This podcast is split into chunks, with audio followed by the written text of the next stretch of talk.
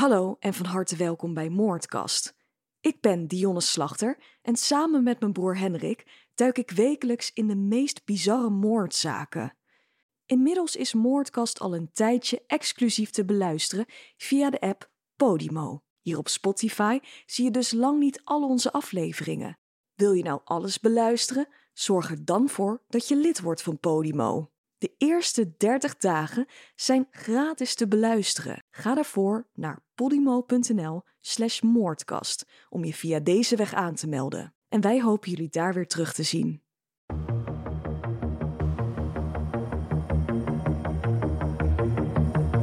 Welkom bij deze nieuwe Moordkast. De podcast waarbij ik je meeneem in verschillende mysterieuze moordzaken. Ik ben Dionne Slachter en samen met mijn broer Hendrik als sidekick duiken we in de waargebeurde misdaad. Vandaag praten we over een religieuze secte genaamd The Word of Life. Ze streven ernaar de basis van de Bijbel na te leven. Het gebod, gij zult niet doden, wordt echter door de leiders genegeerd. Van harte welkom allemaal bij deze nieuwe moordkast. Ik zit hier naast mijn broer, Hey, Hendrik. hallo. Van harte welkom weer. Ja, dankjewel. In jouw kelder weer. In mijn kelder, De oude vertrouwde kelder. de oude vertrouwde kelder. Wat wellicht niet oud en vertrouwd gaat zijn, is dat eh, we gaan verhuizen naar een platform genaamd Podimo. Dit zal de allerlaatste aflevering zijn die op eh, Spotify te beluisteren is. Vanaf volgende week gaan we dan echt exclusief over naar de geweldige app Podimo. Ja, we gaan alleen niet helemaal weg van Spotify, want er blijven tien afleveringen die wij hebben uitgekozen, blijven erop staan. Ja, en voor de rest gaan we exclusief over naar eh, Podimo. Ja, blijven nog een stuk of tien afleveringen hier op Spotify staan.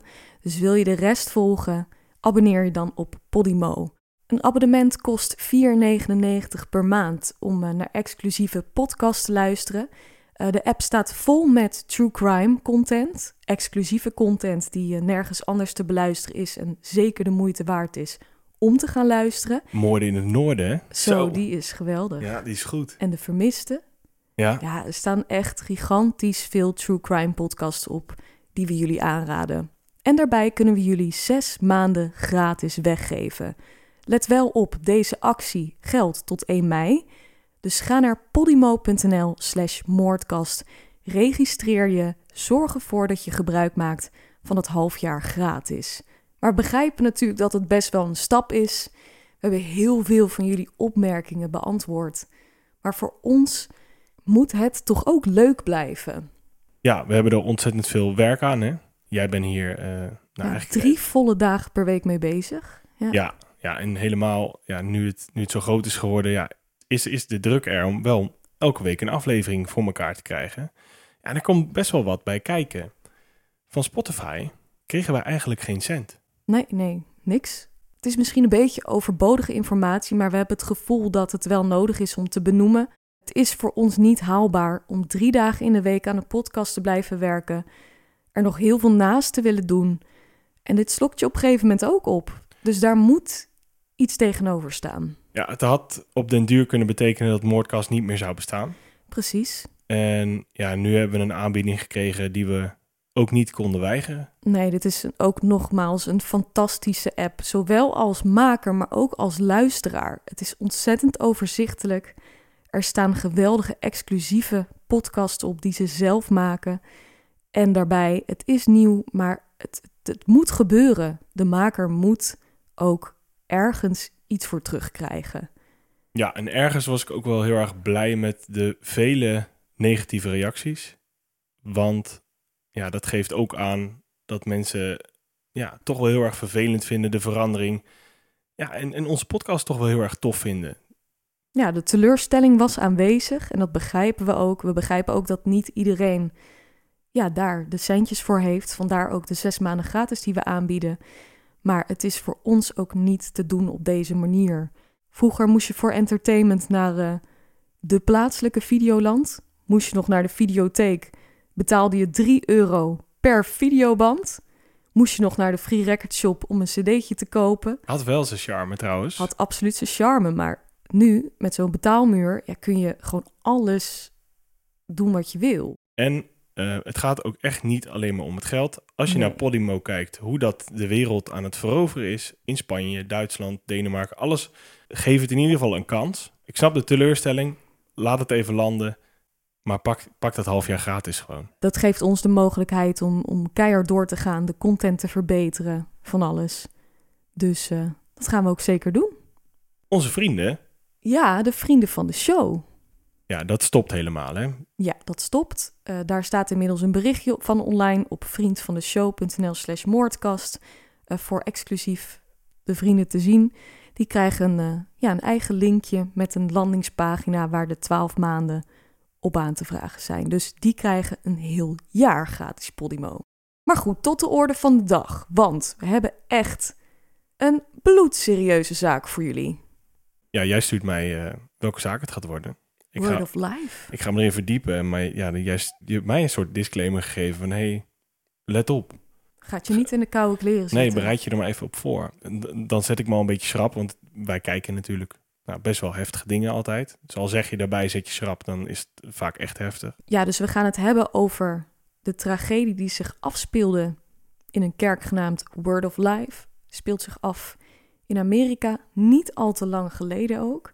Wat wel belangrijk is om te melden, er bestaat een soort christelijke movement genaamd Word of Life. Dat is iets heel anders. Dit Zeker. was echt één kerk, één groepje. En over de hele wereld bestaat er blijkbaar ook een kerk genaamd Word of Life. En die heeft ook een statement later gegeven van... joh, wij hebben hier niks mee te maken. Ja, Word of Life, het, overal. Nou hè, Tik het op Google in en je ziet overal van die... nou ik kon bijna op- niks over deze zaak vinden. Je vindt vooral Daarom is die ook zo, misschien zo goed verborgen gebleven. tot vandaag, want wij gaan erover praten. Mhm. Volg ons natuurlijk eventjes op Instagram. Dat kan op @moordkast. Ergens deze week plaatsen wij foto's van deze zaak. Ja, dan weet je precies waar we het over hebben. Trouwens, in onze artwork, rechtsbovenin, vind je tegenwoordig ook wat foto's van de desbetreffende zaak. Het is één fotootje, maar dan heb je in ieder geval al een allereerste beeld. Ik denk dat we maar heel snel moeten gaan beginnen met het verhaal over de Word of Life. Vandaag staat een kerk centraal, genaamd The Word of Life. Het woord van het leven, eventjes vertaald. Deze kerk was gevestigd in een klein stadje genaamd Chatwicks. Dit stadje lag in New York. De kerk start als een klein bijbelclubje. Dit clubje kwam bijeen in een huiskamer waar de christelijke leefregels worden bijgebracht. Dit wordt opgericht door een man genaamd Jerry Irwin. De Bijbelgroep verhuisde in 1984 naar een oud schoolgebouw. Een enorm gebouw, hè? Ja, dat komt omdat ze eigenlijk te veel leden krijgen, hè? Dus ze, ze passen daar eigenlijk niet meer in. Ja, Eh, ja, en de ze, huiskamer, sessies, dat, eh, nou ja, dat liep nogal uit de klauwen. en ze moesten iets groters hebben, maar dit was wel weer het andere uiterste. Ja, het veranderde van bijbelclub naar kerk, maar gelijk wel een, eh, een enorm schoolgebouw wat werd afgehuurd. Nou, vanaf hier wordt het dus een kerk die zichzelf de Word of Life noemen en het is een non-confessionele gemeenschap. Nou, ik zal even uitleggen wat dat precies inhoudt, maar dit is dus een individuele kerk met een eigen bestuur en hebben dus een eigen kijk op het geloof. Maar zij geloven gewoon niet in, in stromen, in het zijn van een katholiek of, of een baptist of protestant. Zij vinden gewoon, als je in God gelooft, hoort er gewoon één richting te zijn. En dat is, ja, dat hoeft niet per se een naam te hebben. Ja, dat klinkt heel, heel welkom natuurlijk. Ja. Maar in dit geval lijkt het alsof je een beetje je winkansen spreidt op meer volgers. Dat zou kunnen, ja. Er zijn in ieder geval echt hele grote gemeenschappen die zichzelf als non-confessioneel uiten. Ja, dat vind ik wel mooi. Want uiteindelijk geloof je in hetzelfde dan, toch? Nou, ze dachten gewoon heel vrij. Dus zij hebben hun eigen kijk op dingen. Dat kan ook per gemeenschap, non-confessionele gemeenschap, ook enorm verschillen volgens mij. Nu ben ik er niet zo diep in gedoken. Maar ik weet dat in dit geval, The Word of Life, in de Chatwicks, dat echt een ja, een kerk is die een beetje zijn eigen ja, zijn eigen regeltjes maakte. Ja, komt ook goed uit, hè? Als het uiteindelijk echt een secte is en je wil zoveel mogelijk mensen, je bent non-confessioneel, dus dat betekent dat je eigen regels kan verzinnen en zo breed mogelijk publiek kan aantrekken. Ja, precies. The Word of Life wilde precies doen wat de Bijbel hen vertelde. En de religieuze tradities die verschillende stromen zichzelf hadden opgelegd, dat wilden ze niet. Het was echt een overtuiging die volgens hun terugging naar de basis. Nou, Jerry Irwin is dus de oprichter en pastoor van deze kerk en weet mensen te raken met zijn profetische woorden. Het is een man met een donkere baard, brede schouders en als hij sprak, kwam dit echt bij mensen binnen. Hij had dat talent. Hij beweerde ook helderziend te zijn en visioenen te hebben en bij mensen in hun hoofd te kunnen kijken. En via andermans gedachten zou hij precies kunnen zeggen wat er in hun huizen gebeurt. Ja, maar wel zo vaak kloppend. Ik denk dat hij in een soort algemeenheid sprak of zo. Maar zo kloppend. Ja, of heel veel mensenkennis had, of, of precies Ja, iemand kon lezen. Hè? Dat, dat talent hebben heel veel mensen ook. ja, Precies de gevoelige types uitzoeken. Ja, hij kwam heel geloofwaardig over, heel sterk. gewoon een charismatische man. zeg Ja, mensen hingen aan zijn lippen en dan wil je ook zo'n iemand geloven. Hè? Dat is het vaak ook. ja, ook dat. Ja, zeker. In de jaren 90 begonnen de leden van de kerk hem inderdaad steeds geloofwaardiger te vinden. Jerry werd ook echt die profeet die wonderen kon verrichten. Zo had hij in 1998 voorspeld dat er iets ergs zou gebeuren met een vrouw genaamd Joan Ames. Een moeder die lid was van de Word of Life. En wat bleek nou? De vrouw bleek kanker te hebben. Ja, gewoon vijf hersentumoren. Hè? Heel cru. Dat lijkt toch wel heel erg kansloos dan. Nou, Vijf. vijf Eén is al heftig, ja. Maar hij had dus helemaal gelijk, die Jerry. Hij kon dus letterlijk in iemands hoofd kijken. In dit geval wel, dat heb je mooi gezegd. Nou, de vrouw wordt dus geopereerd hieraan, maar kreeg tijdens deze operatie een beroerte. Het was wel duidelijk dat de vrouw het niet zou overleven. Totdat Jerry Irwin begon te bidden met een aantal leden van de kerk. Na dit gebed zei Jerry: Er is iets veranderd. En dit gebed moet zijn verhoord, want de vrouw kwam precies na dat gebed ineens bij vanuit haar beroerte. Het is een wonder, want de vrouw was ten dode opgeschreven. En dit was het bewijs voor de kerklieden. En steeds meer mensen sloten zich aan bij de gemeenschap. Het woord van Jerry Irwin werd verspreid door middel van flyers die deur tot deur werden gebracht, maar vooral door mond-op-mond reclame groeide de kerk behoorlijk. Ze hadden op een gegeven moment, in hun piektijd, zo'n 60 à 70 leden, die allemaal naar de diensten gingen in dat enorme oude schoolgebouw in Chatwicks. Dat vind ik eigenlijk nog wel, wel klein. Ik bedoel, ze, ze doen zich voor als een kerk. Nou, wij zijn vroeger ook wel eens in de kerk geweest. Volgens mij zat daar zeker wel meer dan 60 tot 70 man. Ja, Toch? wij zijn inderdaad gemeentes gewend. Ja, vrij grote zaal, volle bankjes. Dat moeten wel meer dan 60, 70 mensen zijn geweest, ja. Ja, zeker. Ja, Waren er denk ik 200? ja, ja, we zijn aardig wat, wat kerkjes geweest hè, vro- vroeger. Maar ik denk dat als je een 60 tot 70 is echt wel heel kleinschalig. Ja, maar ze waren natuurlijk een gemeenschap op zichzelf, hè. Ja, Ehm, er zijn vast en zeker ook andere kerken daar in de buurt. ja maar je zit ook in Chadwick. Volgens mij, Een klein stadje. Ja, volgens mij wonen er ook niet zoveel mensen. nee. Op een top. Op een 60 top 60 à tot 70. 70. Nou goed. Het zijn er 60 à 70 te veel, maar dat, eh, daar komen we aan het einde achter. Inderdaad. Dat lege schoolgebouw, ik zei het net al, het is echt onwijs groot. En het is ook ontzettend mooi. Het is echt prachtig. Het bestond uit een hoofdgebouw van maar liefst drie verdiepingen, gebouwd van roodbruine stenen en hele mooie karakteristieke kenmerken, zoals die ramen, hè, die witte. Ja, ze, ze hebben een soort omlijsting om de ramen heen. Ja. Het is echt heel mooi. Ik vond het een prachtig gebouw. Ja, Het is wel een parel.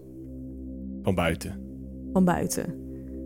Maar daarachter zat ook nog een gymzaal. En dat was echt ja, omgebouwd tot hun kapel, een heilige ruimte. Ja, de sanctuary, hè? Het heiligdom. Ja.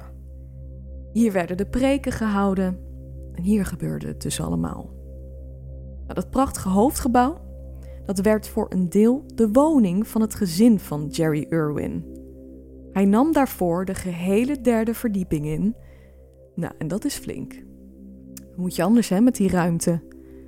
Ja, ik vond het ook wel heel erg Je groot. hebt de gymzaal, wat moet je dan met het hoofdgebouw nog? Ja, ik had het misschien andersom gedaan. Ja. Jerry Irwin was getrouwd met een vrouw genaamd Tracy Irwin en ze hadden drie kinderen.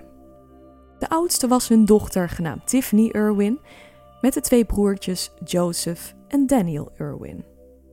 Dit hele pand, de grond, het is echt een enorm terrein wat natuurlijk ook moet worden betaald en onderhouden. Nou, de leden van de kerk doneerden onwijs veel geld zodat dit allemaal kon worden bekostigd. En er werd van iedereen verwacht dat ze klusjes deden. Dat gebouw was namelijk vrij oud. Daar moest ook wel het een en ander aan gedaan worden. Dingen werden opgeknapt, er moest van alles worden gerepareerd.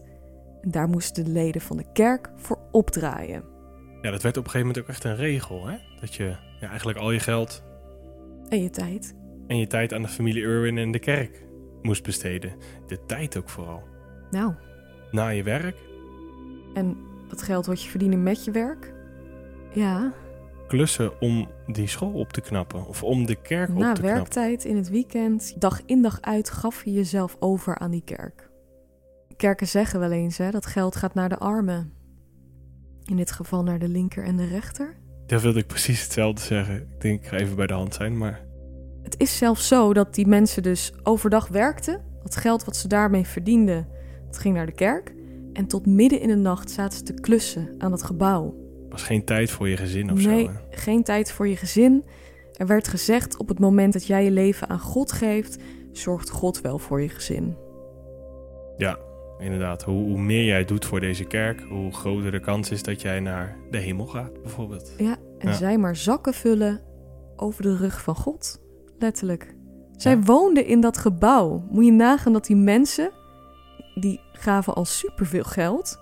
Maar dan waren ze ook nog dag in dag uit aan het klussen aan basically hun huis. Dat zijn pas geldwolven. Er moest elektriciteit worden aangelegd, gasleidingen, van alles. En dit deden ze allemaal vrijwillig. Of althans, dit was Gods wil. En als je niet genoeg inzette, was je gedoemd voor het leven. Maar hij preekte daar ook over, hè? Van jullie moeten dit doen. God heeft mij dit doorgegeven. Ja, Die waren op een gegeven moment waren ze zo geïndoctrineerd en ja, dat je dus echt gaat geloven dat hij een soort profeet is. het was echt zo van ja, als je dit niet doet, dan zal God je straffen. En dan ben je leven niet zeker. Ja, maar je moet ook wel een bepaalde overtuigingskracht hebben, wil je 60 tot 70 mensen dit laten doen, toch? Ja, maar deze man had dus dat Ja. talent. Zeker. om mensen echt door, ja, tot mensen door te dringen. En ik denk toch dat mensen die zich hierbij aansloten ook aansluiting zochten of gewoon heel beïnvloedbaar waren. Vaak zo met mensen insectes. Die zoeken een soort betekenis. Ja, voelen zich echt- bijzonder, hè? Ja, Ja. maar zijn ook enorm zoekende. En die willen ergens bij horen.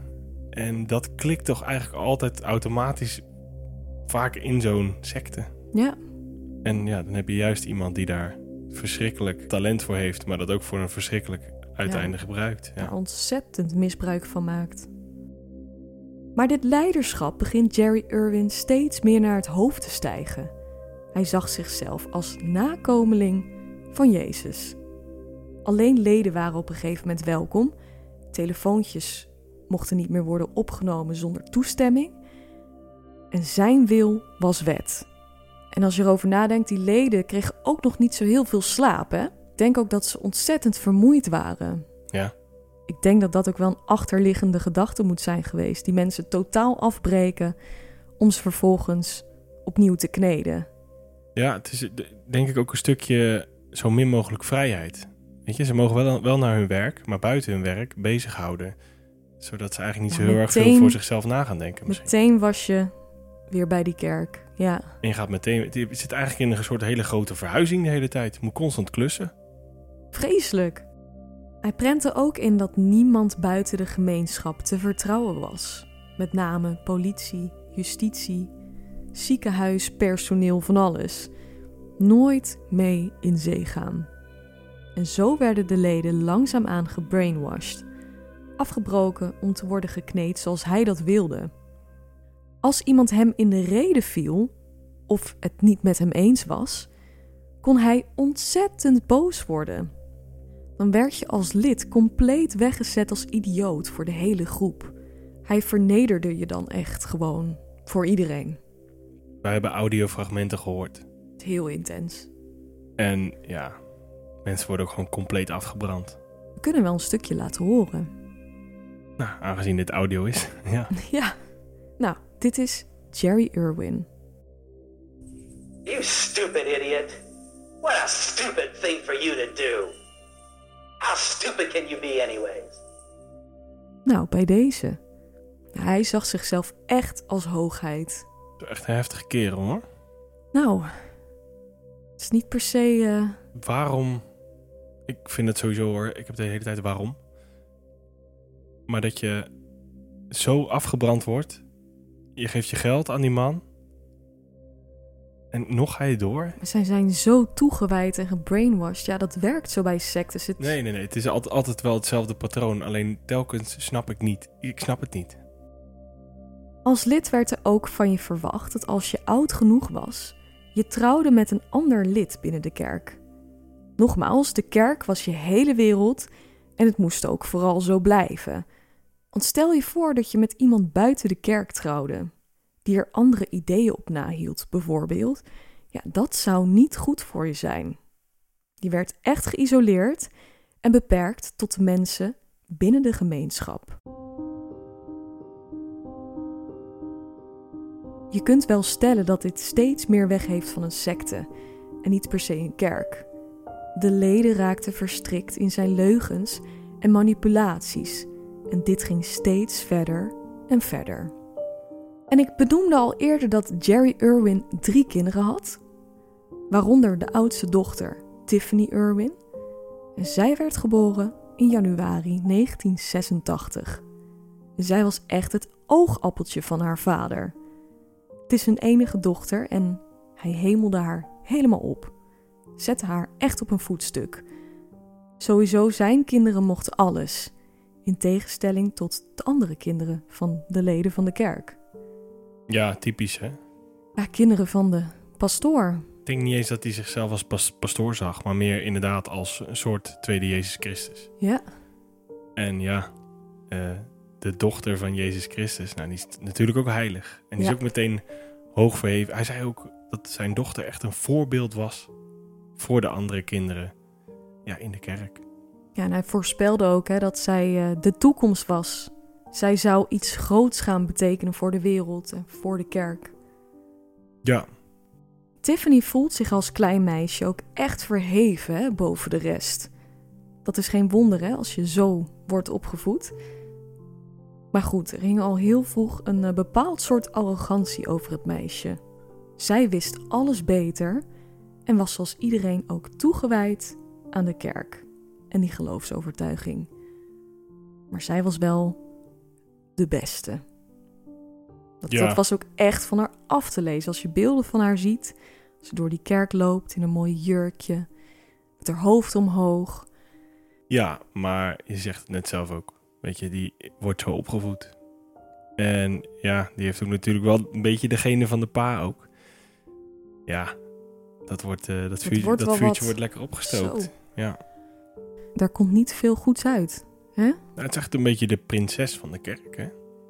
Ja, De kroonprinses kun je wel en zeggen. zo beweegt ze zich ook daar binnen die eh, gemeenschap. Het is inmiddels 2011. Eventjes een sprongetje vooruit in de tijd. En dan is Tiffany 25 jaar oud. Ze wordt uitgeroepen tot predikant. Haar vader heeft deze rol altijd al voor haar voor ogen gehad. Hij zou altijd al geweten hebben dat ze belangrijk zal zijn voor de Word of Life. De kerk bestaat dan al ongeveer 20 jaar en binnen een jaar heeft Tiffany alle taken van haar vader overgenomen. En dan slaat het noodlot toe. In mei 2012 krijgt Jerry Irwin een beroerte waardoor hij niet meer kon praten. Zijn familie belde geen alarmnummer en ook geen ambulance, omdat de Bijbel dat niet toeliet, volgens Jerry. Het boek zou niet achter de moderne geneeskunde staan. En Jerry Irwin zei altijd dat doktoren dachten God te zijn. Terwijl er is maar één iemand die die rol kan vervullen en dat is God zelf. Moet hij zeggen. Ja, ik wou zeggen, dat is de rol van Jerry, toch? Ja. Hij ziet zichzelf als... eh, Niemand mag het behalve hij zelf, Nee, bedoelt hij. De beroerte hield de familie geheim voor de kerkleden, maar het viel natuurlijk wel op dat Jerry Irwin ineens niet meer kwam. En Tiffany nam ondertussen alles over. Zijn vrouw had nog een hele dure zuurstofcabine voor hem gekocht, ter waarde van 30.000 dollar. Nou, drie keer raden wie dat moest opbrengen, hè? indirect.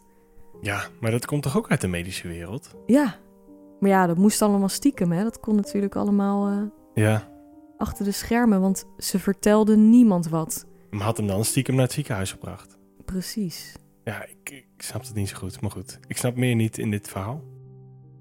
Uiteindelijk stierf de man en werd maar 55 jaar oud. Dus Jerry Irwin legt het loodje Ja, een beetje door zijn eigen overtuigingen. ja inderdaad, dus eigenlijk door zijn eigen regel. Ze vertellen alsnog niks aan hun kerklieden. Ze houden dit nog even geheim. En ze bewogen hemel en aarde om de man uit de dood te laten herrijzen. Ze reden zelfs met het dode lichaam naar een predikant, maar die meldt hen letterlijk van joh, ik kan niks voor jullie betekenen. Het was schijnbaar ook iemand die bekend stond om de wonderen die hij verrichtte, maar goed, dat, eh, dat Ja, mocht zo- niet baten in ieder geval. Zover ging zijn skillset dan ook weer niet. Nee, precies. Nou, inmiddels ging er natuurlijk allerlei roddels rond. Er werd druk gespeculeerd over waar Jerry Irwin uit zou hangen. Wat is er met hem gebeurd? Waar is hij nou? Tiffany brengt uiteindelijk toch het slechte nieuws. We moesten natuurlijk eerst even kijken of die man nog uit de dood kon opstaan, want Misschien valt er nog wat te redden. ja, Ja, ja, ja ik- dat moet toch een enorme klap zijn geweest voor die, voor die volgers. ja, Hè? Dat ineens de, degene die jij als een soort, nou ja, bijna een soort Jezus, moderne Jezus ja, Christus profeet, hè? Ja. ziet. Hè? Je hebt echt iemand die, die via God spreekt. En wonderen verricht. Echt een. Nou, dat was daar echt wel een. eh, ja, een heilige bijna. nou ja, hij was daar heilig. Hij noemde zijn kerk het heiligdom. Verklaarde zichzelf ook wel zo. Ja. Hij was de nakomeling van Jezus. Dus ja, hoe, hoe kan hij dan weggenomen worden? Ja, hoe zit het nou? Ja, de leden zijn inderdaad geschokt. Want Jerry Irwin had zelf altijd gepredikt met... als er iets ergs met je gebeurt, was dat de schuld van een zonde... of je zou niet genoeg in God geloven. Dus als je ziek werd of doodging, was dat praktisch je eigen schuld. Hoe kon dit nou Jerry Irwin overkomen? Nu was de boodschapper zelf ineens de pijp uitgegaan. Hoe zit het nou? Deze man was toch hartstikke heilig en een aantal leden vonden het best wel vreemd. Een ziekte krijg je alleen als je iets slechts had gedaan. Maar goed, Tiffany zal er vast en zeker een mooi verhaal op hebben verzonnen. Het was een heel vaag, omslachtig verhaal. Ik bespaar het jullie, maar ze heeft in ieder geval iedereen kunnen overtuigen, of een aantal van hen, dat dit een goede reden had. Of Ja. course. Ja, uiteindelijk wordt het wel weer gebogen natuurlijk. En dan doen ze nog een poging hè, om eh, Jerry Irwin uit de dood te laten herrijzen. Want de kerkleden beginnen dagenlang te bidden. Het is een gebed eindeloos. In de hoop dat Jerry Irwin alsnog een opleving zou krijgen.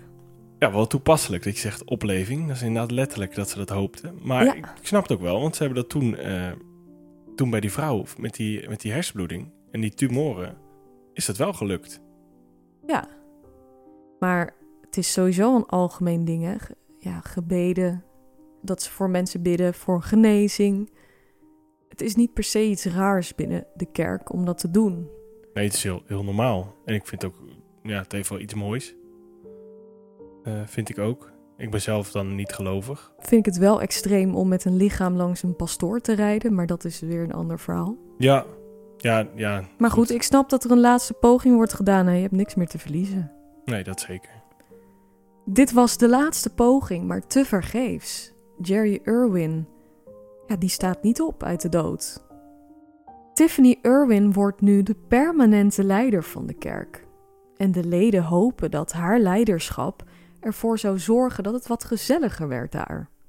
Ze hoopten op meer vrijheden, maar ook dat ze wat meer van hun leven terug zouden krijgen. Beetje frisse wind. Nou, maar als je denkt dat Jerry Irwin erg was, hou je dan maar vast. Ja, next level. Een duivel, Ja, kun je wel zeggen. Tiffany ontwikkelt zich als een tiran en zette de groep nog veel meer onder druk.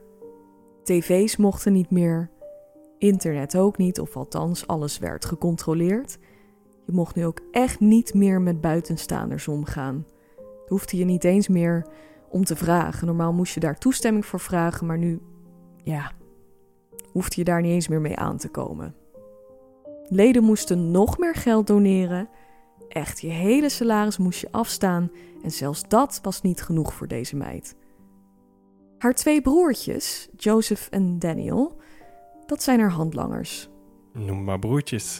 Broertjes, zeg maar gerust broers. Zo. Deze jongens, dat eh, waren echt wel twee reuzen.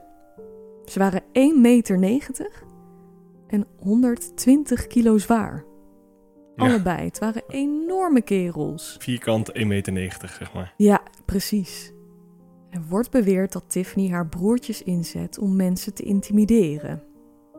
Het waren ook niet de meest frisse types en dat was algemeen bekend.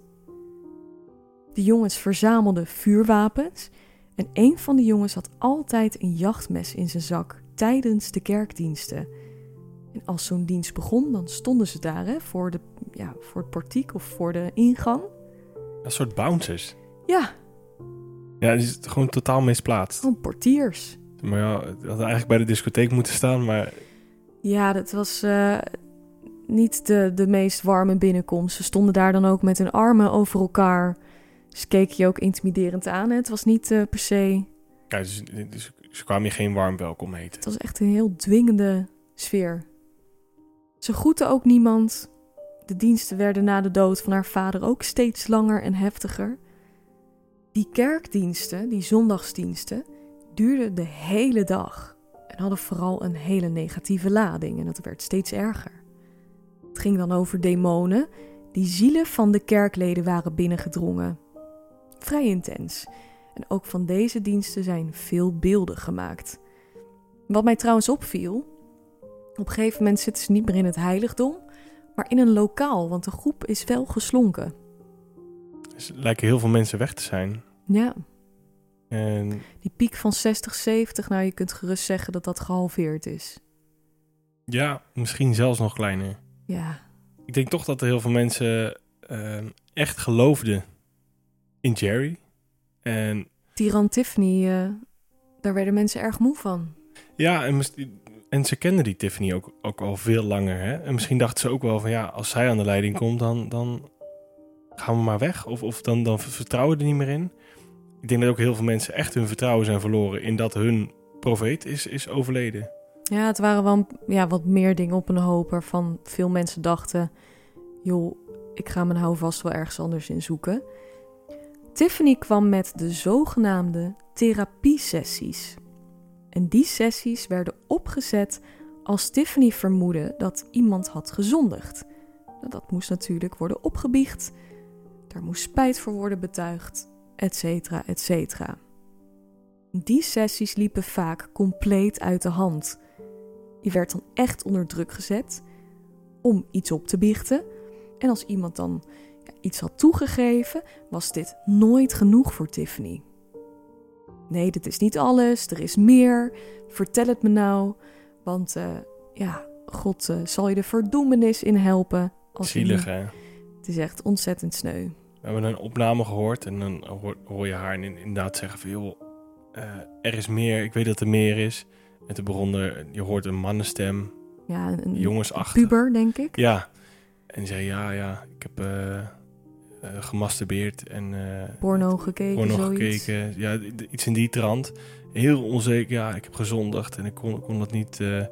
het, zo werd dat gewoon. Je werd echt gewoon bijna vernederd of zo. Ja, je hoorde ook wel in die stem de angst. Ja, enorm. Ja, zeker. Heel, breek, heel breekbaar of zo. Ja, maar vind je het gek? Het was ook echt wel een, een hele intens intimiderende therapiesessie. Even deze, tussen haakjes, dit was geen therapie natuurlijk. Maar het was ontzettend intimiderend voor diegene. Ze heeft het dan vooral gemunt op jongeren, pubers. Het is ontzettend sneu. Echt wel in hun breekbare tijd. Dat je jezelf misschien wil gaan ontdekken en dat drukt zij meteen de kop in. Die jongeren beginnen dan zich ook net een beetje te verzetten tegen hun ouders. Of inderdaad wel eens te denken aan seks. Die mogen zich niet ontwikkelen. Ja, dat ze die bij de puberteit zo aanpakt, dat is gewoon echt psychologisch.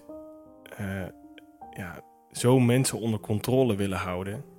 Mensen Echt gaan, kneden, hè? ja, gaan echt voor zichzelf denken en dat mag niet. En dat wordt dan weer een soort, in een soort Ja, de bepaald kop ingedrukt. gedrukt. Ja. Ja. de kop ingedrukt.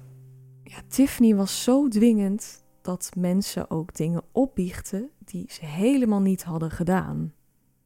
Tiffany had met name ontzettend veel kritiek op één bepaald gezin. Het gezin Lennart. Het gezin zat al twintig jaar in deze gemeenschap. Sinds 1992 al, dus een beetje het begin.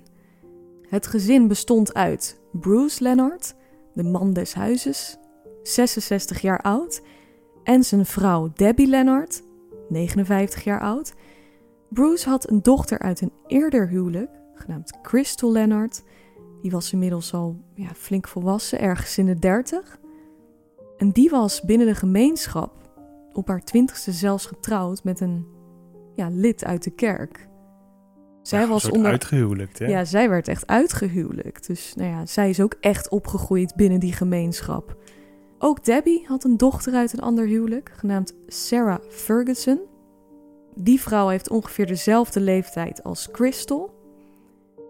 Dus ook inmiddels een hele volwassen vrouw. En zij is ook echt een actief lid van die kerk. Bruce en Debbie kregen later samen nog twee zoons. In de tijd waarin we praten zijn dat inmiddels tieners. En ook zij zijn opgegroeid in deze secte. Echt vanaf hun geboorte dus al. Al die tijd was dit hele gezin toegewijd geweest aan de Word of Life. Maar voor Tiffany was het nooit genoeg. Tiffany had vooral heel veel kritiek op de opvoeding van de twee jongens. Die waren gewoon aan puberen, maar zij was ervan overtuigd dat ze bezeten waren door demonen. Deze familie was dus echt zo'n voorbeeld van zo'n gezin wat totaal gehersenspoeld was. Die geloofde echt alles, maar zijn toch steeds meer mensen die hun twijfels hadden. We zeiden het net al, steeds meer leden begonnen kerkdiensten over te slaan, weg te gaan bij deze gemeenschap. Die hadden er tabak van. bewijst ook wel hè, dat die familie zo gehersenspoeld is. Want ze kennen eh, Tiffany al vanaf haar zesde.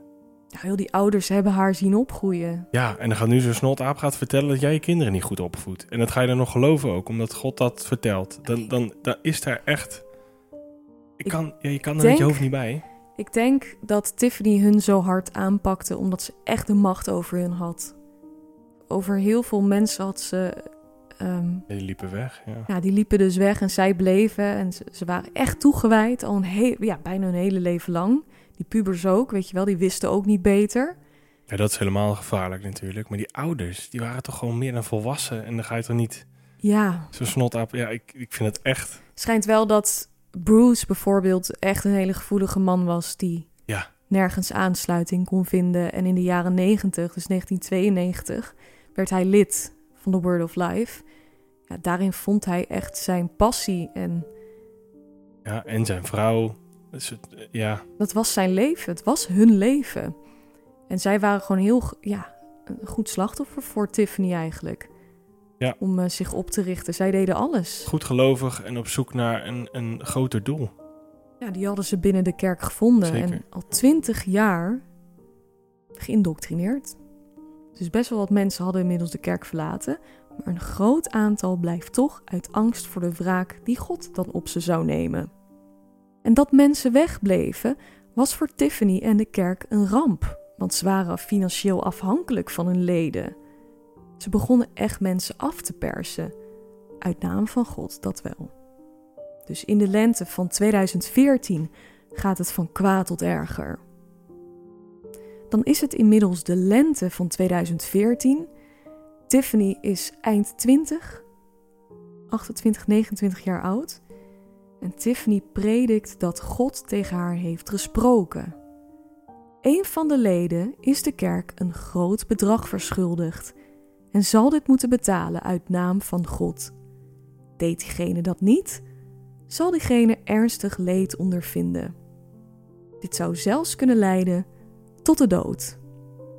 En na die dienst, na die uh, preek van Tiffany dat iemand dat grote geldbedrag verschuldigd is, richten die twee broers Joseph en Daniel zich op Crystal Leonard, dus die, ja, die meid van begin 30, die uh, ja, dochter van Bruce. Die mannen zeggen heel intimiderend tegen haar: Ja, jij bent de persoon die dit geld moet geven. Jij bent degene die die grote donatie moet doen. God heeft jou aangewezen. Ja, jij bent de, uitge ja, de uitverkorene, zeg maar, om dit te doen voor ons. Ja, en die vrouw wordt zwaar onder druk gezet. Zij is rond haar achtste, negende jaar samen met haar vader ja, binnen Word of Life gaan leven. Zij weet ook niet beter. Nee, dat denk ik inderdaad dat je niet beter weet. Maar uh, nu begon ze wel een beetje haar twijfels te krijgen. Want die familie weet ook dat ze helemaal geen geld heeft. Ze was een huismoeder. Ja. Ze werkte niet. En het was echt een enorm geldbedrag. Ik kon niet vinden hoe, ja, om hoeveel geld het ging. Maar het was onmogelijk om zo'n bedrag bij elkaar te sprokkelen. Dus ga maar vanuit dat ze echt iets onmogelijks van haar vroegen. Maar ze gaven al alles. En, en ja, ze kon dat dus niet geven. En er zou zo'n straf op, op staan. Die werd ontzettend bang ook, hè? Ja, en die is toen gaan bidden. Ze is gaan bidden, maar uiteindelijk weet ze nog steeds niet goed wat ze moet doen. Voor wie ben je dan nou echt bang voor? Ja, de wraak van God? Of voor De vraag van Tiffany. de wraak van Tiffany en haar broers, weet je wel? Dit was echt een druk waar je u tegen zegt. Ja, plus dat als je weggaat, doe je ook meteen even afstand van je familie, hè? Ja, want die gaan natuurlijk niet zomaar mee. Ja, dat, dat verankert jou gewoon in die Ja, gemeente. Je gaat daar niet weg, want heel je familie zit daar en die zal je anders niet meer zien. Nee, want jij bent dan een buitenstaander. Sterker nog, je bent iemand die weg is gegaan en dat is al helemaal eh, uit den boze. Ja, en je gelooft dat je een mega grote straf krijgt. Dus ja, met andere woorden, je hebt gewoon Geen keuze. een flink probleem. Ze werd zo bedreigd. Ze had zo erg het gevoel van, joh, ik kan geen kant op op dit moment. Dat voor het eerst in haar leven in zich opkwam van, joh, ik kan de kerk ook verlaten. Het zal niet makkelijk geweest zijn, maar dit deed ze. Dit was echt voor haar de druppel. En er was geen andere weg. Nou, ze meldt haar vader en Tiffany dat ze de kerk verlaat en heeft van beiden nooit meer wat gehoord. Dus haar eigen vader geeft niet eens een reactie. Dus haar twee broertjes, moeder, vader, halfzus, ze mogen van Tiffany nooit meer met Crystal praten. Die blijven gehersenspoeld achter in de secte. Ze krijgt op een dag nog wel een berichtje van haar jongere broertje Lucas, inmiddels 19 jaar oud. En die zegt van joh, ik zou wel eens mee willen naar jouw kerk. Ik wil weten hoe het daar is. De grote zus reageert verrast. Ze forceert verder niks en nodigt hem toch wel uit om mee te gaan, want dat vindt ze hartstikke leuk. Nou, hij gaat op een gegeven moment mee. Ze rijden samen naar die kerk toe. Hij is bij die zondagsdienst aanwezig. Het was hartstikke gezellig. En dan vertrekt Lucas. Crystal wist wel van joh, daar gaat Lucas vast en zeker problemen mee krijgen als ze erachter komen. Hè? Ja, die was er wel erg bang voor. Ja, Ja, en ze kon er ook niet heel veel aan doen. nee, begrijpelijk. Maar ook heel begrijpelijk dat die, dat die broer bij zijn bij zijn zus wil, eh, ja, wil zijn. En ook even wil kijken hoe het ergens anders is. Ja, hij is 19 jaar oud, hè? Ja. Die gaat echt wel voor zichzelf denken op dit punt. Ja, ja, en het wordt daar steeds gekker en gekker. Hè? En ineens ziet hij zijn zus niet meer. Ja, ik snap het wel.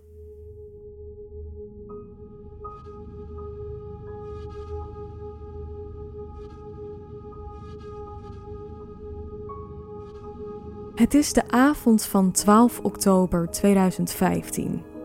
Crystal Leonard heeft inmiddels haar leven buiten de secte opgepakt. En na een hele lange tijd geen contact te hebben gehad met haar familie, wordt ze ineens gebeld met een verschrikkelijk bericht. Haar broertje, de 19-jarige Lucas Leonard, is plotseling overleden. Die ochtend van 12 oktober, het was een maandagochtend, was Lucas naar de eerste hulp gebracht met spoed. Hij ligt op de achterbank van de auto van zijn moeder, van Debbie Leonard. Het was een personenauto met heel wat zitplekken. Dat is een beetje zo'n minivan.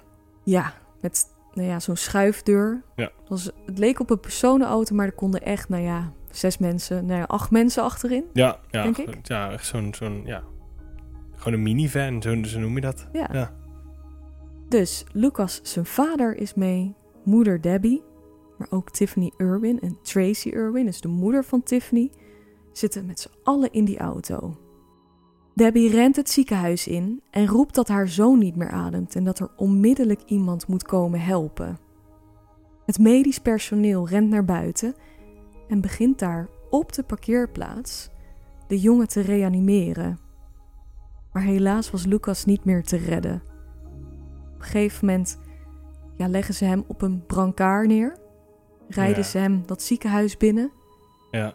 en slechts een paar minuten later ja, werd de jongen dood verklaard.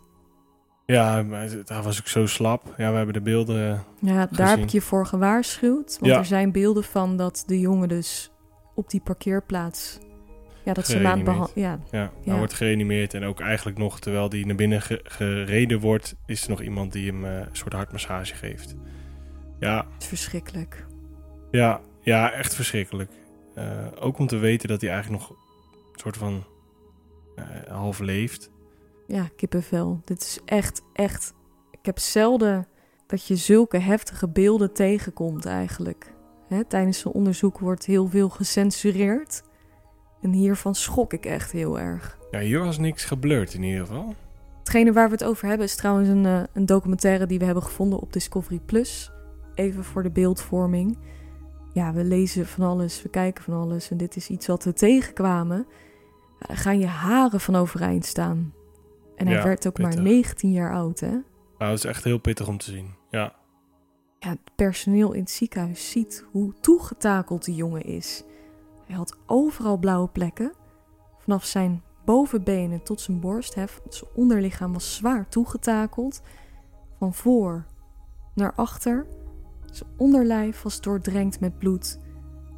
Ja, vooral het gedeelte van zijn kruis tot zijn enkels. Het was, nou ja, zijn broek ook. Hè. Als je de spijker, een spijkerbroek aan, als je die zag, zag je die ook echt.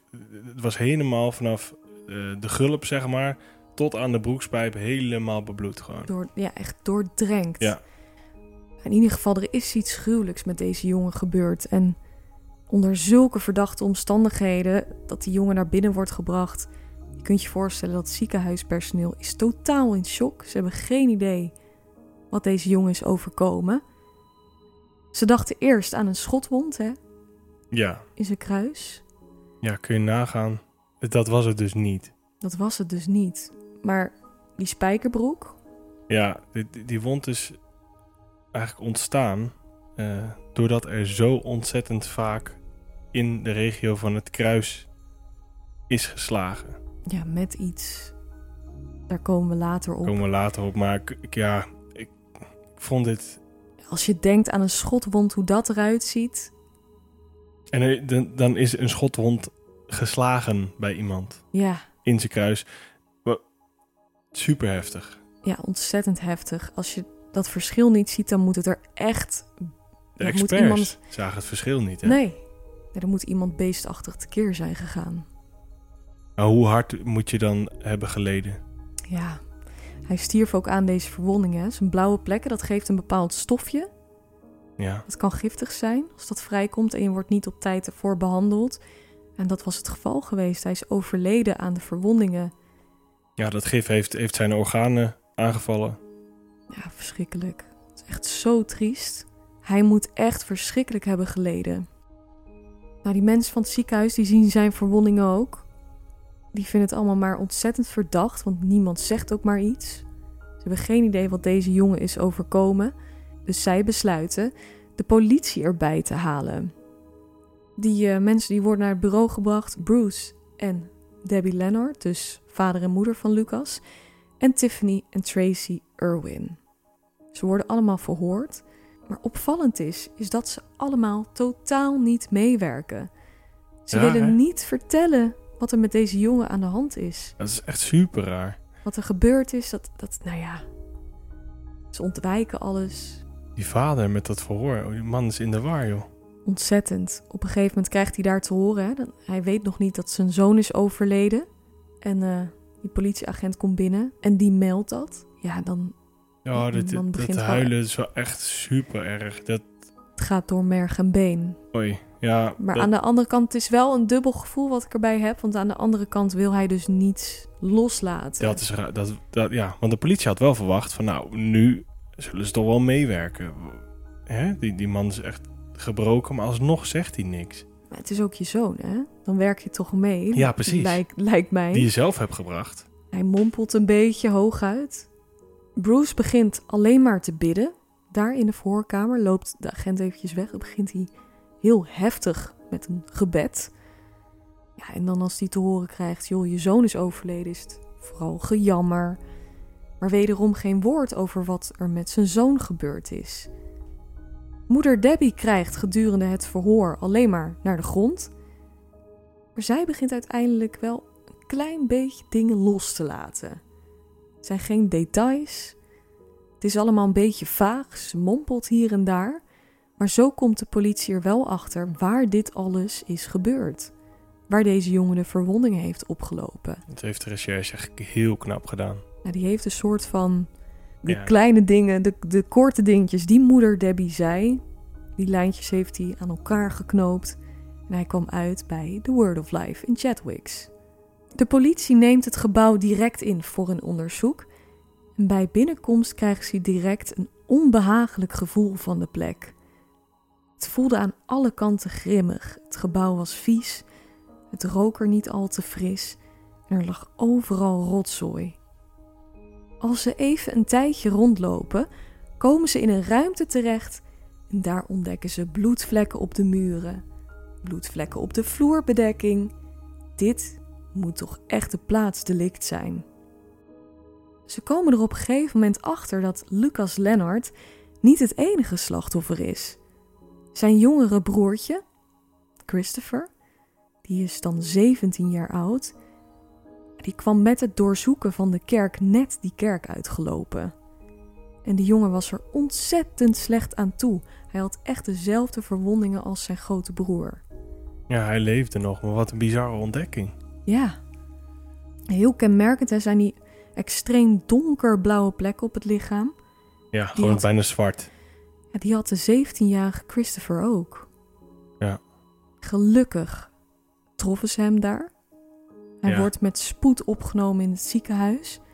En zijn toestand is gewoon kritiek. Als ze hem niet hadden gevonden, was hij, was hij. Zeker. Ja, ook op het onderlichaam, hè, vooral was er gericht. Precies daar. ook weer ook. opvallend. Ja, ja, heel zijn bovenbenen waren helemaal zwart. Ja, echt bizar. Ja, die moet ook enorm pijn hebben geleden. Net als zijn broer. Ja, langzaamaan beginnen de ouders Bruce en Debbie toch met de politie te praten. En dit vreselijke tafereel begint op zondag 11 oktober 2015. Er werd uiteraard een kerkdienst gehouden, want dat was een zondag. Maar na deze dienst zou het gezin blijven voor zo'n therapiesessie. De sessies waar we het over hebben gehad. Het biechten, het dwingen, Niet normaal trouwens, hè? Want die, die mensen hebben daarvoor. We hebben het over een kerkdienst. Dan denk je nou van 10 tot 11 en dan gaan we weer verder. Maar het was daar gewoon de hele dag. Ja, van s ochtends vroeg tot s avonds laat. Echt. Tot, ja, precies. Echt. eh, Ga er vanuit tien uur s ochtends beginnen, acht uur s avonds klaar. En Deze die- therapiesessie die begon pas om negen uur s'avonds. Precies. Ja, Maar ik denk dat die diensten tot een uur of acht duurden, ja. toch is het niet normaal. Dienst van tien uur en daarna nog even... Ja, ik zou eh, vriendelijk overslaan. Ja, eigenlijk wel bij een uurtje hoor. Ja. Tiffany had gehoord dat Lucas naar die andere kerk was gegaan, samen met zijn zus Crystal Leonard. Dit was, zoals te verwachten, uit den boze. Degene die met deze info naar Tiffany was gekomen, dat is een opvallende. Dit was Lucas en Christopher's eigen halfzus Sarah geweest. Dus ja, de dochter uit het eerdere huwelijk van Debbie. Dus die therapiesessie vindt plaats. Nogmaals, het is 9 uur in de avond. Aanwezig zijn de ouders, Debbie en Bruce. Tiffany met haar twee broers, Daniel en Joseph, dus die enorme kleerkasten. En halfzus Sarah is ook aanwezig. En zij verzamelen zich dus in die ruimte, waarschijnlijk een oud klaslokaal, om de jongens heen, dus om Christopher en Lucas. En dit gaat over hen beiden. Deze therapiesessie is gericht op de jongens, maar ook op de ouders, want die hebben hun werk niet goed gedaan. Zoals altijd. Precies. Ze worden van zo ontzettend veel dingen beschuldigd: hekserij, voodoo. Eh, ze zouden Tiffany iets aan willen doen, hè? volgens haar een plan gesmeed om eh, Tiffany aan te vallen. Maar ook kindermisbruik, daarvan worden ze ook nog beticht. En gericht op de kinderen van Sarah. Dus hun neefjes, nichtjes. Ja, verschrikkelijk. En Sarah is al degene die hun soort van heeft aangegeven, hè? Het is een beetje de snitch geweest. En dan, moeten ze, ja, dan komen ze hier ook nog mee. Ja, en dan lijkt Tiffany dat een soort van te voeden met beschuldigingen dat diezelfde jongens ja, haar kinderen seksueel hebben misbruikt. Ja, dat is compleet uit de lucht gegrepen. Ontzettend ernstig. Ja, maar dat- ja, daar kan je toch niet zomaar iemand van beschuldigen? Het is toch verschrikkelijk? Maar goed, de jongens ontkennen in eerste instantie alles. Maar dit is alleen maar olie op het vuur. De situatie liep totaal uit de hand. En de therapiesessie liep uit op een groepsmishandeling. En dat ging er echt gewelddadig aan toe. Joseph Irwin begon de jongens te slaan. Met name met vuisten in hun buik.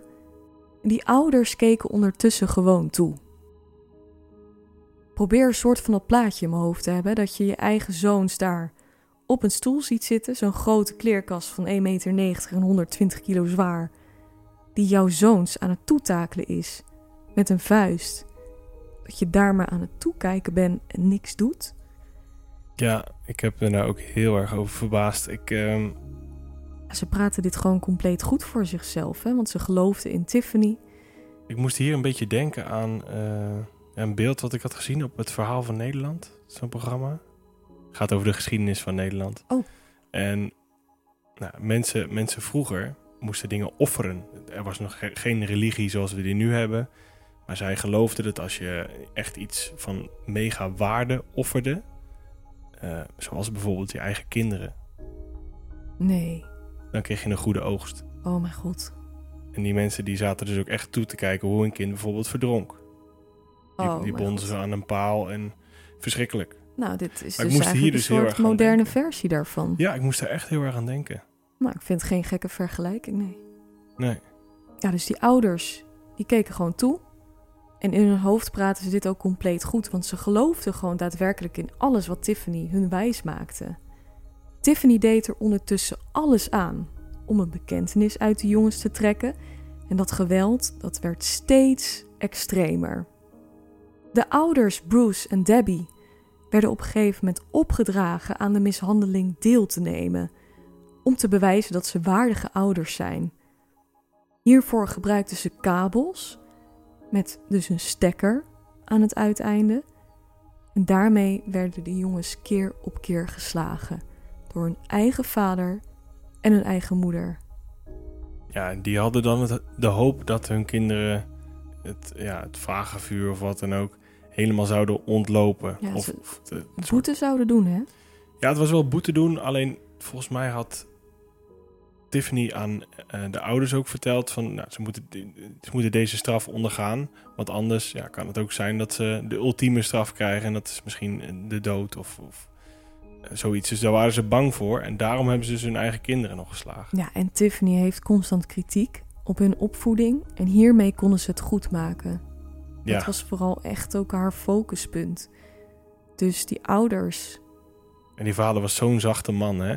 Eigenlijk van nature zo'n zachte man. Het is een leraar geweest die een soort master had in plantkunde. En, en ja, een redelijk eenzame man die eh, bij de kerk is gegaan, super zachtaardig. En die, die, die is nu zijn eigen. tot zoiets in staat, omdat je Dus- zo gebrainwashed bent. Oh, je zo, ja. Gekke gewaarwording. Ja, ik denk ook dat je je niet kan voorstellen wat, wat er door die mensen heen gaat op dat moment. Nee. Natuurlijk ben je heel boos, maar je kan echt niet voorstellen. Nee, ik kan beide kanten gewoon niet voorstellen. Nee. De jongens werden keer op keer geslagen. En dit ging de hele nacht zo door. En de jongens werden op een gegeven moment om de beurt mishandeld. Christopher moest dan in een andere ruimte wachten, met een koptelefoon op, zodat hij niks hoorde. Beschuldigingen waren echt compleet verzonnen. Behalve dan dat Lucas ja, naar een andere kerk was gegaan. De rest is er denk ik bij verzonnen als wraak. Ja, dat is natuurlijk, Hè? dat is natuurlijk de ergste zonde die je in, in, eh, in haar ogen kan doen. Ja, eventjes haar ego die wordt aangetast.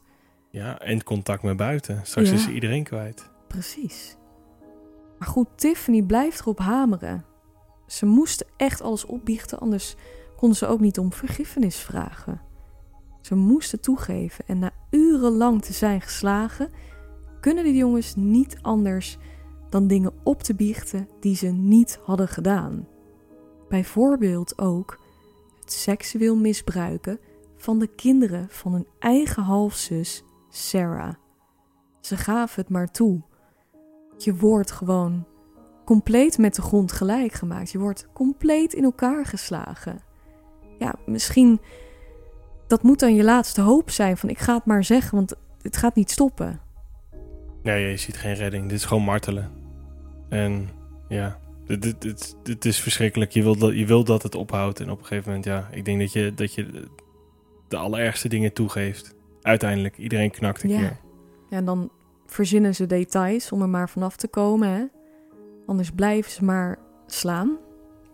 Maar die Tiffany gebruikt ook van, ik, ik weet het, God heeft het mij verteld, dus leg het maar uit. Ja, eh, super moeilijk. Ja, maar st- stel je voor dat jij urenlang wordt mis- mishandeld. Ja, door- je gaat wel wat uiteindelijk verzinnen, ja. Dat, de- dat, denk, ik- dat denk ik echt. Ja, dat denk ik ook. Dus op een gegeven moment geeft ze zogenaamde details van dat kindermisbruik. En Sarah Ferguson, die hoort als moeder van die kindjes aan wat zij haar kinderen hebben aangedaan. En dan knapt er iets bij haar. Ja. En zij pakt op een gegeven moment zelf dat snoer en is eh, op beide jongens in gaan slaan rond het kruis. Zij is verantwoordelijk voor de ergste wonden. Zij ging van iedereen het meeste tekeer. Ja, dat was com- ja, compleet blinde woede. Maar goed, als jij met een koord of, of, of een, een kabel met een stekker eraan... Door je spijkerbroek heen. een soort, een soort bijna een kogelwond slaat. Dan Ja. moet je misschien wel uren hebben doorgegaan. Dat is verschrikkelijk, ja. Ja, dus Sarah Ferguson was degene die de jongens ernstig toetakelde in hun kruis. Zo erg dat ze dachten dat Lucas een schotwond daar had.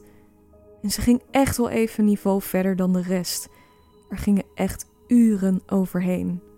Uiteindelijk die therapiesessie over het algeheel begon 9 uur in de avond op zondag en duurde tot de volgende ochtend rond een uur of zes. Het is dat Bruce Leonard op een gegeven moment de sessie zelf heeft gestopt en besloot naar het ziekenhuis te rijden. Ja, Het gekke is dat de rest dan ook is ingestapt of zo. Als een soort controle misschien, dat ze nergens anders heen gingen. Misschien kwamen ze tot bezinning. Dat ze Nou, dachten, goh, het gaat ik. nu wel echt de ja, verkeerde kant op met die jongen. Want hij zal niet meer op dingen hebben gereageerd. Ja, maar goed, dat- daar gaan ze zelf niet zoveel... Ik, ik denk wel dat het, dat het controle zou zijn vanuit... eh, Ja, maar vader heeft ja, toch op een gegeven moment gezegd, is het genoeg. doorbroken. Ja, Ja, wel dus, te eh, laat. Ja, veel te laat. De ouders, Bruce en Debbie, deden alles voor God. Of althans, Tiffany. Zelfs hun kinderen moesten het ontgelden. Op een gegeven moment moeten ze met z'n allen voorkomen. Iedereen krijgt afzonderlijk van elkaar een straf. Moeder Debbie Leonard pleit schuldig voor mishandeling. En zij krijgt vijf jaar celstraf. Ze moet ook voordoen hè, hoe, ze die, eh, hoe ze die kabels zo heeft vastgehouden. En ook haar zoons heeft geslagen. Ja, Ja, Ja, vreselijk. Ze was 59 jaar oud. Bruce Leonard pleit ook schuldig aan mishandeling. Hij krijgt 10 jaar celstraf opgelegd. Deze man was op dit punt 66 jaar oud. Hij heeft dus een dubbele straf gekregen ten opzichte van zijn vrouw. Dus dan zou je kunnen denken, die man is ja, heftiger tekeer gegaan dan Debbie. Ja misschien ook harder is aangepakt. Hè? Dat, dat wordt gezegd van, joh, we- wees nou eens eh, de vader die je moet zijn. En, gaan, en dat, dat, dat, dat, ja, dat dat hem is opgedragen. Ja, zo'n kerk die super traditioneel is, zou ook wel de man wat, ja. Ja. wa- wat meer zien als de leider. En Hè? meer, meer verantwoordelijk voor de harde opvoeding, zeg maar. Ja. Misschien. Ja, kan ik me wel wat bij voorstellen. Maar de man die je daar in die bankjes ziet, het is echt zo'n zielige... Ja, zielig hoopje mens. Ja, die ouders hebben negen uur lang naar hun zoons gekeken. Die gewoon dood. Ja, ik vind En het zo bijna dubbel, dood. hè? Ze hebben ook niks gedaan. Ze hebben zelfs meegedaan. Ze geloofden er gewoon in dat dit moest gebeuren. Dus ik vind het ook wel dubbel dat je zo ver gaat. Maar goed, ik, ik kan er slecht over oordelen, want ik heb nooit in een secte gezeten. Ik ben nooit zo beïnvloed geweest. Nee, dat is het ook. Twintig jaar lang, hè? Deze mensen zijn twintig jaar lang gehersenspoeld. Maar ik ben toch van binnen erg kwaad op Debbie en Bruce. Ook al ken ik ze niet, ik voel toch wel veel boosheid. Ja, ik denk vooral dat het enorm, en het klinkt heel ge- gek, maar het is enorm traumatisch toch om je kinderen gewoon helemaal afgeranseld te zien worden en je moet ze zelf ook nog doen. Want anders, ja, hebben zij misschien, want dit geloof je echt hè, anders hebben zij gewoon geen toekomst meer in, in Gods eh, zijn visie. Zijn ze eigenlijk ten dode opgeschreven. Dat geloven ze, ja. En dus, dus eigenlijk pro- proberen ze hun zoons nog een soort van te helpen.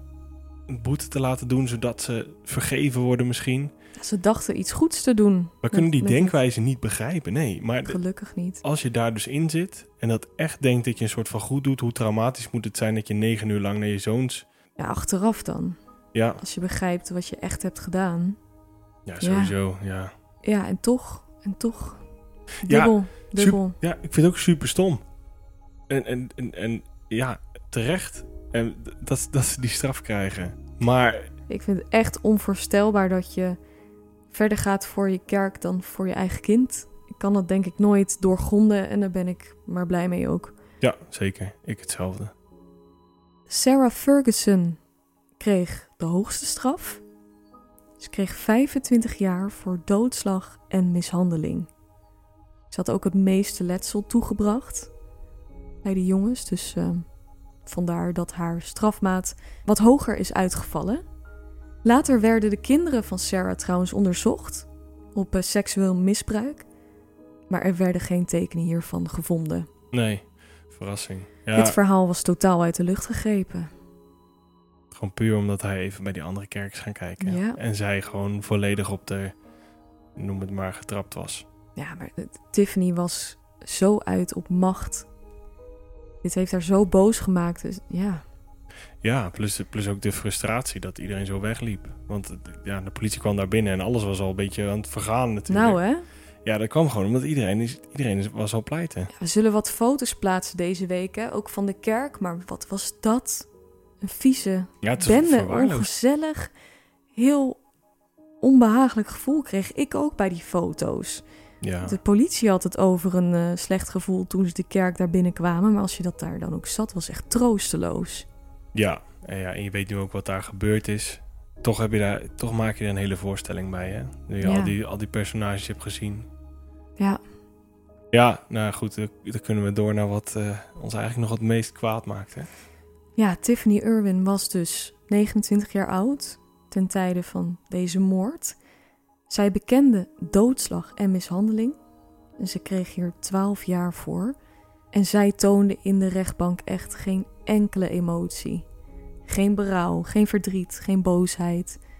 Gewoon niks, gewoon blanco. Ze heeft zelf nog proberen te, te, te spinnen dat, eh, dat ze tot een bekentenis gedwongen werd. Echt een klap in het gezicht van de familie natuurlijk. Ja. Of tenminste van de familie, van de, van de zus die nog... eh, nou ja, daarover gesproken, hoe rot moet zij zich voelen? Hè? Zij heeft natuurlijk Lucas meegenomen naar die kerk. Ja, dat heeft alles in werking gezet. Maar natuurlijk is zij niet degene... Nee, die- tuurlijk niet. Maar toch, het lijkt me toch Ja. moeilijk om mee te leven. Ja, die, die zal een soort eh, survivors guild hebben, denk ik. Hè? Ja. In de- ja. Echt super triest. Ja, en dan denk je eindelijk vrij te zijn hè, van die... En dan word je, heb je uiteindelijk ook nog je hele leven pijn van die... Je bent je hele familie in één klap kwijt. Ja. Ja, ik vond, weet je, ik kan, ik kan er echt niet tegen dat die Tiffany een lagere straf heeft gekregen. Twaalf jaar, dan kom je gewoon nog vrij. Kun je daarna je leven nog oppakken? De wereld moet toch beschermd worden tegen dit soort mensen. Die moet je toch gewoon voor eeuwig opsluiten. Ik vind ook minstens 25 jaar gepast voor deze Tiffany. Want zij is degene die alles heeft opgerakeld en iedereen heeft bespeeld. En zonder haar was dit niet gebeurd. Zeker Echt de aanstichter geweest. Ja. Dan hebben we nog Joseph Irwin. Natuurlijk een van de grote broers van, eh, van Tiffany. Hij eh, krijgt acht jaar voor groepsmishandeling. En Daniel Irwin, de andere broer, eh, die had ontzettend veel spijt trouwens. Echt als enige toonde hij heel veel berouw Van de Irwins, hè? van de Irwins. En hij kreeg twee jaar straf. Hij had ook het minst meegewerkt aan de hele mishandeling. Ja. ja, hij stond daar sowieso niet heel erg achter, eh, bleek later. Maar ook in de, in de rechtszaal, ja, enorm berouw. En ja, dat zijn ook, ehm, ook, wat, ook wat de woorden hè, van, van, van de mensen die daarbij waren. Hij, ja, hij was toch wel echt de enige die spijt had. Ja. en Christopher hebben we dan natuurlijk nog. Het 17-jarige broertje van, eh, van Lucas Lennart. We zeiden het al, hij heeft het de nauwernood overleefd. Hij werd gelukkig net op tijd naar het ziekenhuis gebracht. Zijn nieren hadden het opgegeven. Als hij niet op tijd was opgenomen, was ook hij er niet meer geweest. Dus, Dus- dus eigenlijk is de, is de toestand van zijn broer zijn redding geweest. Ja, Als Ja, niet, niet, naar, niet naar het ziekenhuis waren geweest en hij was niet snel overleden. En die mensen, waren, was de politie naar die kerk gegaan. nee, hadden ze het misschien ook niet heel snel uit die moeder geha- ge- gehaald. En is dit, is dit allemaal voor hem net op tijd gekomen? Dan ben je dus geboren in deze secte. Dan wordt je broer waar je ontzettend close mee bent, wat eigenlijk je, je vertrouwen, je, je, je houvast is. Ja, wordt vermoord door de mensen die je hou vast. Door Zijn- je, door je ouders. Door je en ouders. je zus. En, De enige veilige omgeving die je hebt, keert zich tegen je. Nou, dat lijkt me ontzettend angstig. Als je nog een kind bent, want we hebben het over twee kinderen. Je bent, als je 19 bent, officieel een man. Maar we hebben het gewoon over een jochie. En datzelfde geldt voor Christopher. Het zijn gewoon twee jonge jochies. die niet veel meer hebben gezien hè, dan die kerk. Ja. Dat moet echt een, nou ja, heel intens angstige situatie voor ze zijn geweest. Zo angstig en zo pijnlijk dat je op een gegeven moment maar gewoon seksueel misbruik van kinderen opbiecht. Van je zus. Ja, van je eigen zus, je eigen neefjes en nichtjes. Dat moet je maar opbiechten. Ja, het is Ja. echt een ontzettend pijnlijk, verdrietig verhaal. Heel frustrerend vond ik hem ook. Tijdens het uitzoeken dacht ik echt, hoe kon zoiets gebeuren? Onder de neus van je eigen ouders, van zoveel mensen die er toch iets aan hadden kunnen doen, maar zo gehersenspoeld zijn door één iemand. Ja. Ja, vind ik onvoorstelbaar. Het is echt, Ja, die Tiffany is ergens ook gehersenspoeld hè, door de vader, want de Ja. vader was hier al mee bezig. daar begon het mee. Ja, zij was de absolute duivel. ja. Ja, maar ook wel weer grootgebracht door. Ook zij wist niet beter, maar het zal ongetwijfeld ook eh, een stukje nature en nurture, denk ik. Hè? Nee, ik hoop echt dat ze haar in de gaten gaan houden als ze Ik vrijkomt. ook. Ik eh, hou mijn hart vast. Want dit, ja, Ja, Dit was het verhaal over de Word of Life. We hopen dat jullie het een interessant verhaal vonden. Laat het ons natuurlijk vooral eventjes weten op ons Instagram-account, Moordkast. Ergens deze week zullen wij ook beeldmateriaal posten over deze zaak. En vergeet natuurlijk ons niet te gaan volgen op Podimo. Vanaf volgende week zullen wij niet meer te beluisteren zijn op Spotify. Er blijven nog een stuk of tien afleveringen staan. Maar daarmee, uh, ja, is dat het ook. We kunnen jullie in ieder geval zes maanden lang Podimo aanbieden. Ga ervoor naar podimo.nl slash moordkast en wees er heel snel bij, want deze actie geldt tot 1 mei. En dat rijmt. Verhuis gerust met ons mee. Zouden we erg leuk vinden. Dus tot volgende week. Jullie horen ons dan op Podimo. Tot volgende week. Tot volgende week. En pak die zes maanden gratis. Podimo.nl slash moordkast.